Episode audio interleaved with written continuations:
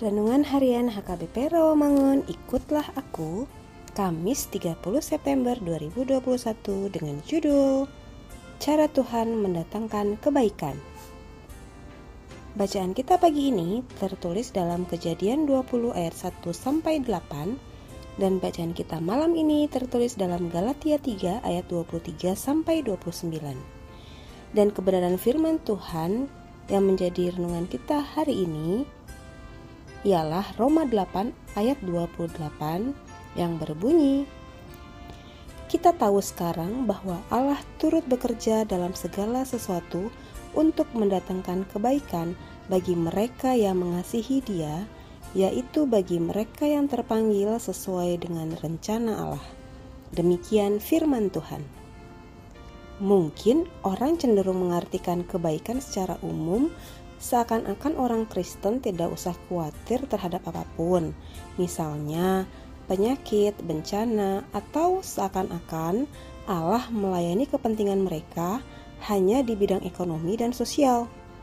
Bukan itu yang dimaksudkan dalam nats renungan ini. Firman Tuhan hari ini mau mengatakan bagaimana cara Tuhan bekerja, bahwa Allah tidak tinggal diam setelah menciptakan segala sesuatunya. Allah tidak membiarkan manusia begitu saja, tetapi Allah ikut bekerja untuk mendatangkan kebaikan bagi manusia. Di bagian mana saja Allah turut bekerja? Jawabnya, Allah turut bekerja dalam segala sesuatu. Kalau dikatakan segala sesuatu, maksudnya segala situasi dan kondisi termasuk dengan segala hal yang buruk sekalipun. Di sinilah pentingnya kita belajar untuk memahami bagaimana cara Allah bekerja. Karena Tuhan tidak pernah menjanjikan bahwa hidup orang percaya itu bebas dari masalah. Jika masalah, pergumulan, atau penderitaan hadir dalam hidup kita, kalau kita selalu berserah kepada Tuhan, maka semua itu akan mendatangkan kebaikan bagi kita. Namun, kita harus ingat bahwa Allah tidak pernah bekerja dengan memakai jalan pintas. Bagi Allah, proses adalah hal yang lebih penting daripada jawaban doa kita. Karena sering kali kita mau segalanya cepat selesai dan serba instan. Tuhan Yesus mau agar kita menjalani proses, semua bisa terjadi kalau kita mampu percaya sepenuhnya hanya kepadanya. Kita jangan bermimpi bahwa Tuhan mau mengerjakan yang terbaik bagi masa depan kita jika kita malas dan tidak mau bekerja, atau jika kita hanya tidur malas dan bersantai-santai di rumah.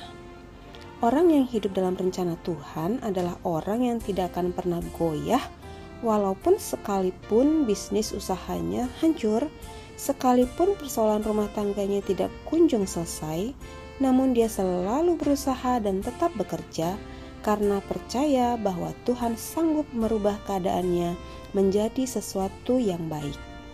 Ini yang dikatakan mendatangkan kebaikan bagi kita. Karena itu, yakinlah bahwa Tuhan turut bekerja di dalam kehidupan kita dan selalu mendatangkan kebaikan dalam hidup kita.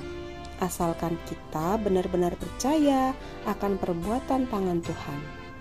Oleh karena itu, kita diajak melalui nats renungan hari ini untuk selalu setia dan percaya hanya kepada Tuhan Yesus saja, agar kita dapat merasakan betapa kasih Tuhan sangat luar biasa kepada kita yang percaya kepadanya bahkan mendatangkan kebaikan bagi kita umatnya. Amin. Mari kita berdoa.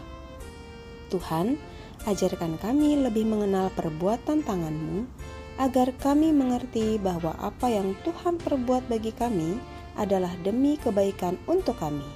Amin.